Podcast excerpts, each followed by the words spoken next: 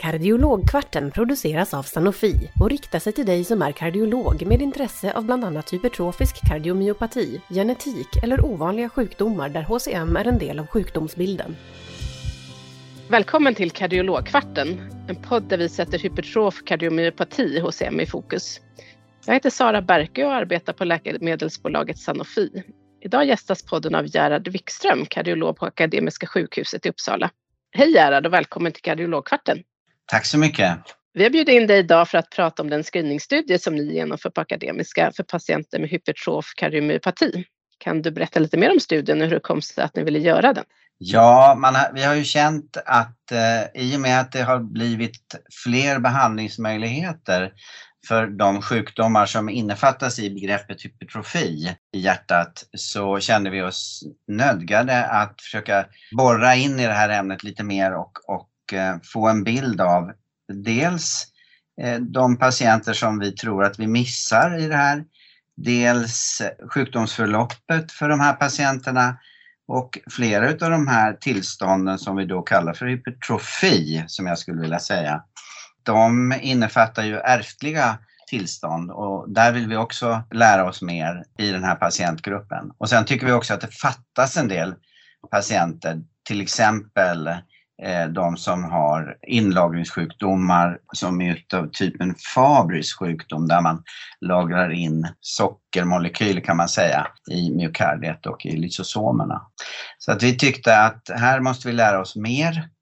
Vi måste få en bättre systematik och vi vill lära oss om naturalförloppet, om ärftlighet och om behandlingsmöjligheter. Så det var skälet till att vi ville starta den här studien. Så eh, ni väljer ut patienter med hypertrofi. Hur ser er definition ut? Det normala för en sån här patient är att de kommer in och har debuterat med hjärtsvikt på ett eller annat sätt. Det kan vara på mottagningen och det kan vara via remisser och det kan vara akut alltså via akutmottagningen inläggning. Men de flesta av de här patienterna har då någon form av symptombegränsning där vi har tolkat att det behövs göras ett ultraljud, ett, ett, en hjärtekokardiografi. Ifrån den här gruppen då, då som har symptom utav hjärtpåverkan, det vill säga känner sig begränsad i sin kondition och sin ork, så kommer vi hitta ett antal patienter som har hypertrofi och det har vi definierat för tillfället som över 15 mm eller är lika med 15 mm septum. Så att när vi får ett svar ifrån att patienten har varit på ekokardiografi med frågeställningen orsak till hjärtsvikt, där det framgår att patienten har en hypertrofi, så remitterar vi patienten vidare för vidare utredning och frågar dem om de vill vara med i studien. Och det är nästan aldrig någon som säger nej kan jag säga. Däremot så kan det vara så att patienten är lite för gamla och lite för skröpliga och utav det skälet så tar vi inte med dem. Men vi frågar även äldre skröpliga patienter om de har intresse. Så det kan ha varit eh, långa utredningsvägar för vissa patienter. Hur ja, det kan, kan det ha sett ut? Det kan det ha varit definitivt. För många av de här patienterna har då gått i öppenvården eller på någon annan klinik med symptom uh, utav symptombegränsade på grund av sannolikt hjärtsvikt. Då, då. Och, så det kan, det kan vara lång anamnes. Det, och det är viktigt att komma ihåg att, att det här är en grupp som kommer in och det kan ju vara flera andra tillstånd som till exempel pulmonell hypertension eller, eller någon annan orsak till det här. Kronisk lungembolism med pulmonell hypertension. Det kan vara flera olika skäl. Det kan vara klaffvitia, det kan vara allt möjligt. Så blir jag nyfiken, har ni kommit igång med studien nu? Ja, det vill säga vi kom igång jättefint för ett år sedan då vi hade en väldigt eh, skicklig forskningssköterska. Men sen fick hon för sig att den privata sektorn var så attraktiv så hon övergav oss och eh, gick till, till eh, en, en, annan verksamhet. Men vi har eh, ett färdigt eh, protokoll, vi har etiskt godkännande, vi har en CRF som är konstruerad och så. Och vi har då tagit med de patienterna som har hjärtamyloidos i studien och som får behandling för detta. Så att de är in, inne i studien. Där har vi snart 10 patienter tror vi, men vi vill ju fortsätta med det här en längre tid för att lära oss mer. Och just de här olika differentialdiagnoserna som jag nämnde i, i början, de, de är av betydelse för en längre tids uppföljning också här förstås. Så att de är vi också intresserade av. För en patient som blir inkluderad i studien, vilka olika undersökningar får den genomgå? Ja, vi har faktiskt lagt ett ambitiöst schema så att eh, först så gör vi eh, ekokardiografin då, men det är på allmän indikation. Det är ju inte på indikation att de ska gå med i en studie, utan det är de som vi fiskar ur det här rätt grova nätet som vi har, eh, där patienter får genomgå en ekokardiografi med frågeställningen orsak till hjärtsvikt. Och sen så då när vi ser att det är ett eh, förstorat septum enligt våra kriterier 15 mm eller större så eh, tillfrågar vi patienten om de kan tänka sig vara med i studien och då går vi på det som kallas för DPD-skint som är en form utav skelettskint. Eh, och sen då ifrån DPD-skinten går man genom en MR-undersökning, alltså en magnetisk resonanstomografi-undersökning, då patienten får ligga i en, en tunnel och undersökas utav magnetism. Få fina bilder. Och sen så går, får de också genomgå en eh, undersökning med positronemissionstomografi där vi både tittar på flödet i myokardiet och vi tittar på specifika molekyler som fäster upp sig mot eh, en eventuell amyloidos som patienten skulle kunna ha. Så det, det är de undersökningar som de får genomgå. Och sen är det tänkt att vi ska, i, utifall vi behandlar dem eller vidtar någon annan åtgärd, vi också ska följa upp de här patienterna med förnyade undersökningar. Det är mest tonvikt på ekokardiografi och eh, positronemissionstomografi samt MR. Så även de un, uh, genomgår patienten. För närvarande har vi inte sagt att vi ska göra flera undersökningar med hjälp av skintigrafi. Eh, det blir en resursfråga då. Ja, så där har du de undersökningar som vi använder och det är de icke-invasiva. Sen har vi naturligtvis en klinisk uppföljning också på patienten och det ingår i CRF att man får besvara en massa frågor om det. Blodtryck och allmäntillstånd och andfåddhet och sånt där. Ja, det är en jättefin ambitiös studie ni har. Det här klarar du inte av själv. Nej, det gör jag inte.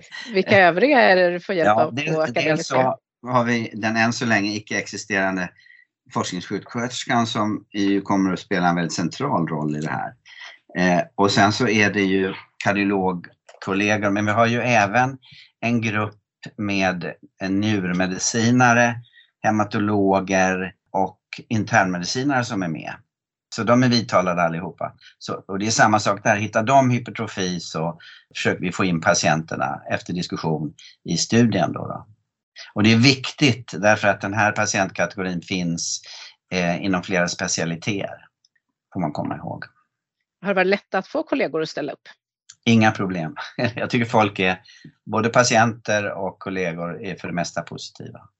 Det gäller att få bredd. Jag menar, någon, man måste ju känna att det här är aktuellt för mig. Och det är väl väldigt eh, mycket så för kollegorna liksom att de måste känna till att jag har någon, någon nytta av det här för, min, för jag måste ju ändå lägga ner arbete på det. Så det är viktigt att tänka sig att man måste kunna erbjuda någonting. Men det gör vi och det gäller även för regionen så att de regionmöten som vi har där vi får med patienter från regionen, då blir kollegorna delaktiga i studien ute, där ute också och det tycker vi är väldigt viktigt.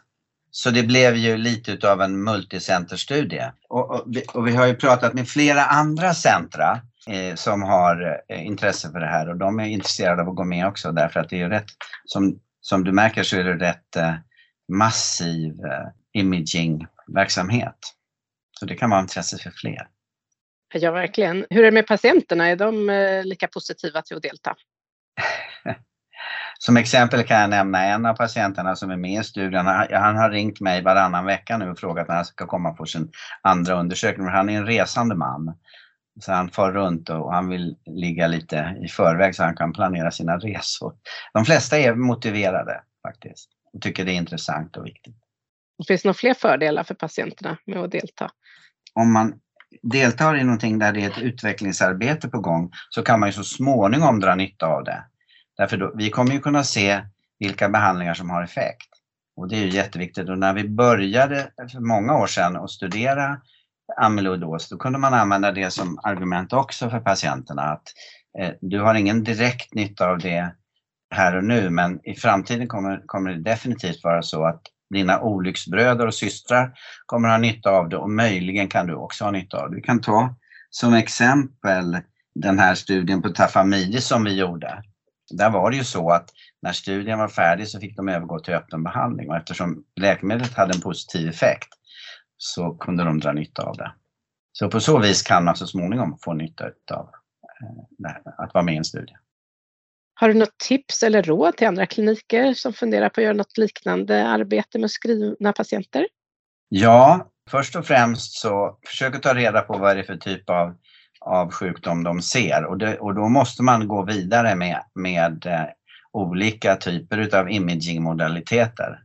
Och, och grundprincipen där det är ju att man utesluter en AL-amyloidos och det gör man ju genom att eh, ta en serumelfores och lätta kedjor och så vidare i urin och i serum. Och sen efter man har gjort det och, och kommit underfund med att det inte är en AL-amyloidos eller en AL-amyloidos så, så, finns det ju möjligheter till behandling. Vi hade ett väldigt intressant seminarium här för någon månad sedan som handlade just om amyloidos och, och de resultaten på de centra som som eh, lägger ner kraft och intresse på, på de här tillstånden, till exempel AL-amyloidos, som är otroligt bra. Så att har man specialintresserade människor som man kan vända sig till så kan patienterna ha väldigt nytta av det. Och det kan man väl säga också man kan använda som argument för studien faktiskt. Att man kan som patient dra nytta av andra människors kunskap. Det är en slags spin-off effekt som man får. Verkligen. Vi diskuterade tidigare kring eh, andra ämnen att fördjupa oss här i podden eh, lite längre fram och då så nämnde du strukturerat omhändertagande. Där har ju ni ett utmärkt exempel just med Centrum för amyloidos. Mm. Vill du ge en liten kort teaser om vilken betydelse det har? Eh, det strukturerade omhändertagandet det handlar ju om, om att patienten hamnar på rätt spår när det gäller behandling och diagnostik. Och det är väldigt viktigt därför att vi, vi ser ju det, ta, ta det här exemplet med hypertrofi, att patienter gör ett ultraljud på beställning utav någon som kanske inte förstår sig på svaret. Och då måste ju den personen, för att kunna rikta fynden till någonting meningsfullt, veta vart han eller hon ska vända sig. Va? och också veta betydelsen av hypertrofi. Vad betyder det att en patient har hypertrofi? Jo, det kan ju betyda att det är en familjär ärftlig hjärthypertrofi. Det kan betyda att det är en familjär ärftlig amyloidos, det kan betyda att det är en AL-amyloidos, det kan betyda att det är Fabris sjukdom och det kan betyda att det är en hypertrofi som måste behandlas. Vi har ju väldigt många patienter som har hypertrofi där vi inte ser att de har varit behandlade på flera år. Och där finns, det finns ju faktiskt i litteraturen exempel på det. Och senast för någon veck, några veckor sedan så kom det i någon internationell tidskrift, om det var New England, ett eh, rapport om en antikropp som, nu, som de nu har mot eh, TTR-molekylen. Så att det, det, rör sig väldigt mycket i, i det här forskningsfältet och, och där har ju det strukturerade omhändertagandet en väldigt stor betydelse.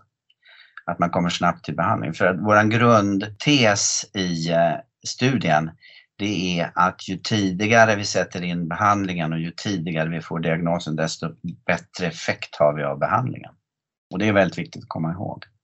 Men vi har ju börjat få en, ett bra strukturerat omhändertagande tack vare att vi har möjlighet att göra genetik också. Och det gör vi parallellt. Vi har två eller tre sköterskor som, som tar eh, genetikprover och informerar patienten och så. Och det är framförallt inriktat på hypertrof kardiomyopati.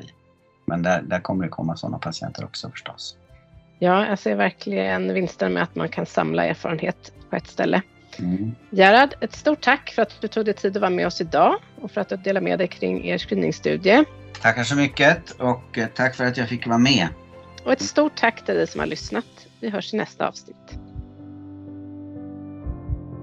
Du har lyssnat på Kardiologkvarten som produceras av Sanofi